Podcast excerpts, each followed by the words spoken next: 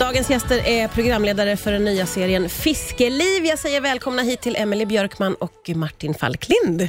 Tack så mycket. Får jag fråga, hur gick det till när ni två blev förälskade i fiske? Hur var det för dig, Emelie?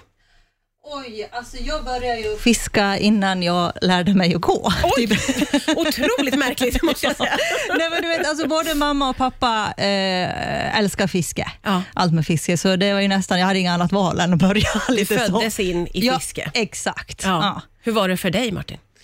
Det var likadant. det var det. Ja, innan jag kunde gå så var jag nere på bryggan på Tjörn hos min mormor på sommaren och metade krabbor med de andra barnen. Ja. Och där upptäckte jag att den häftigaste världen av allihop, det är ju den som är där nere under ytan. Så där började det. Ah, så du blev fast redan som barn också? Ja. Vad är det som är grejen då? Det var en väldigt stor fråga. Oj, ja, Jag ska Martin. du, svara. du kan svara bättre på det. Ta en du Martin. Nej, men eh, jag vet inte, men det, det är lite olika, eh, olika gånger. Mm. Eh, någon gång så kan det vara att man är helt inne i sitt sugrör, som jag brukar säga. Man vill, vill fånga den där fisken. Andra gånger så är det att eh, umgås med kompisar. Eh, det är att vara ute i naturen, att ha det gott, eh, att eh, få med sig en matfisk hem. Så det finns så många olika dimensioner beroende på vilken sinnesstämning man är eller vilka man är med. Så att det, om man fiskar med barn eller gamla eller hardcore-fiskare så Mm. det är Du- många dimensioner i det. Jag tycker att du säger det väldigt fint eh, i första avsnittet, Martin, säger du, man har alltid någonting att se fram emot. Ja, det har man. Och det är ju det, är ju det alla vill ha. Ja. Det är ju magiskt att ha, att ha den känslan även när man inte fiskar då. Så är det faktiskt. Ja. Eh, och ni har ju då eh, fått, eh, ja, ni har ju fått fiska er igenom Sverige verkligen. Eh, vad är, vad är det som har liksom gjort er eh, förvå- mest förvånade på den här resan skulle ni säga? Oj, förvånade. Eh, nja, alltså, vi har ju väldigt kort ti- inspelningstid. Alltså, det- vi ska få, lyckas få fisk på två dagar. Ja. Eh, det är lite pressat och lite s- spännande. Liksom, hur kommer vi lyckas? Alltså, man kan ju aldrig styra med väder eller någonting så. så att det har ju varit en riktig utmaning och varit jätteroligt på så vis. Ja. Eh, och, f- och Då blir man rätt förvånad när vi verkligen lyckas få en fisk på något vis liksom, under de här två dagarna. Men det där är jag så nyfiken på för att eh, det jag har sett, eh, jag har sett ett avsnitt där ni försöker fånga storgäddan Ja. till exempel. Eh, och, och det, man testar och testar och det är nej, nej, nej, nej och det är liksom, är det lika roligt när man inte får någonting? Absolut. Ja, annars hade man ju slutat fiska, tänker jag.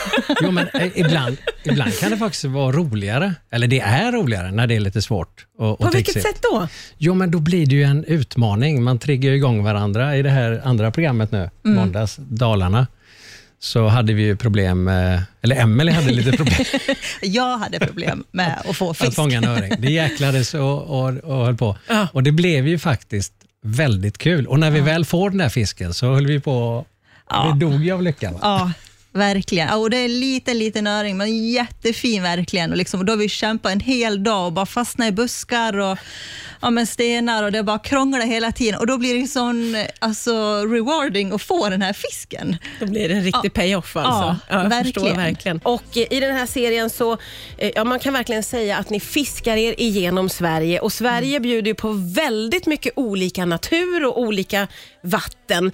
Eh, hur påverkar det, det fisket då skulle ni säga? Att det är så pass olika? Ja, det var en bra Ja, fråga. det var en väldigt bra fråga. Jo, men så här. Alltså, du kan ju vara eh, på våren nu i södra Sverige Mm. och stå i kortärmat och det är varmt och skönt. Och så åker vi norrut och där är en meter is. Ja. Så det är ju fantastiskt och det är något som vi båda har tänkt på. Jag menar, vi- vi vet ju att det är fint i Sverige, men under de här resorna så öppnas ögonen upp även för oss. Mm, verkligen. Vilket fantastiskt Ja. land vi har, vilka fantastiska miljöer, vilken natur. Mm. Som vi ska vara rädda om. Ja. Ja, ja men verkligen. Eh, får jag fråga, hur stor del av fisket är naturupplevelse och matsäck? Och matsäck. Mm. Är inte det viktigt vad- att man Den har är med sig något gott att jätteviktig. äta? Är du hungrig så blir ingenting kul. Nej, nej, jag tänker så. Så att den är en grundförutsättning skulle jag vilja säga. Jag misstänkte Och det. dessutom är det ett väldigt bra trix när du inte får någon fisk. Ja, Massäckstrixet va? ja, ja, ja. Att man Börj- liksom, Ja, börja äta lite massäck, ja, då hugger det sen. ja just det. Vad har ni för eh, favoritfisken eh, fisken då? Och särskilt efter det här nu när ni har fått testa på så mycket. Oh, svår fråga. Alltså jag, jag gillar ju egentligen alla fisken. Alltså det är ju, men alltså efter det här programmet, säsong ett nu då, så vill jag gå fiska ännu mer efter gädda, känner jag. Vad är grejen med det då?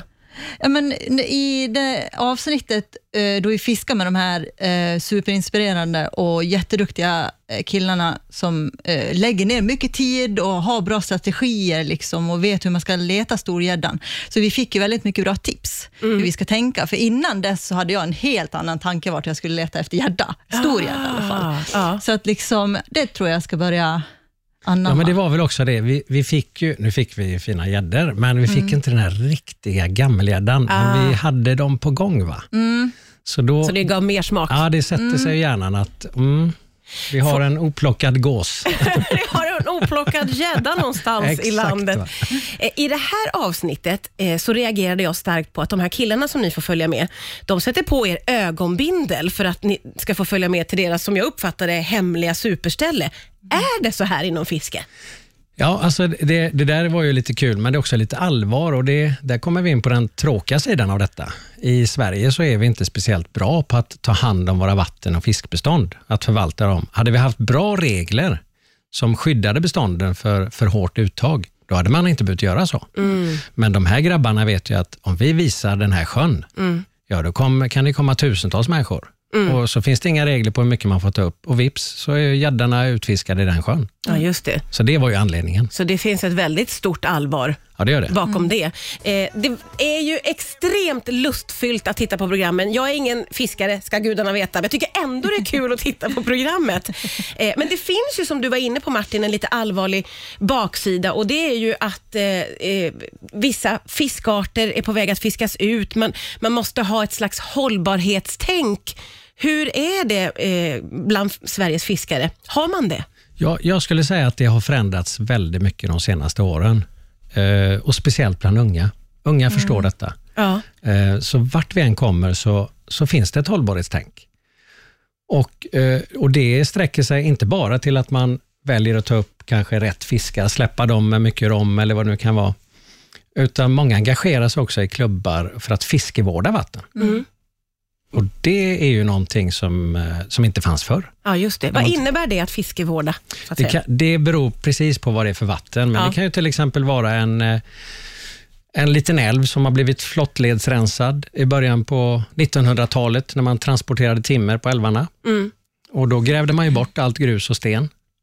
Och eh, för att få tillbaka miljön under ytan så tar man dit stenen igen, Mm. lägger ut grus så att fiskarna har någonstans att lägga sina ägg och så vidare. Just det. Så det pågår ju över hela Sverige. Ja, Det är som en folkrörelse. och det, det är stora jobb som måste göras. Vi Ja. måste rätta till det som vi har Ja, lite grann förstört. Om man säger. hållbart uttag och rätta till det vi har förstört. Ja. Och det är pågår. det jag tycker man ser nu med den nya generationen som kommer och börjar fiska, liksom att de börjar bry sig mer om sina vatten och börjar mer med miljö. De vill ha ett bra fiske. Ja, Mm. men vad ska vi göra för, för att få ett bra fiske? Ja, men tänk vattenvård och fiskevård. Liksom. Mm. Är det någonting som den här eh, pandemin har gjort så är det att väldigt många av oss söker oss ut i naturen eh, och många, jag tänker särskilt när man tittar på det här programmet, blir kanske lite sugna på att komma igång med fiske om man är helt nybörjare. Var ska man börja någonstans då? Man ska börja nära där man bor. Ja. För vi bor i ett lyxigt land. Var du än bor så finns det ett fiskevatten nära. Ja. Mm. Och, och behöver man några, så här, ska man liksom plugga på lite? Ska man fråga någon som har gjort det förr? Ja, Eller? Det ska man göra. Inte- inte bara ge sig rakt ut. Nej, se till att kolla så att du får fiska där också, att du har fiskekort. Nummer ett, så, inte, så att inte folk åker fast där. Nummer ett. Nummer ett. Det är nummer ett. Men nej, jag tycker rådet är så här. Eh, försök hitta någon att få följa med och se hur det går till. Mm. Och lär dig av den personen. Och det är precis det vi gör i programmet. Mm. Vi träffar ju någon som kan det här stället.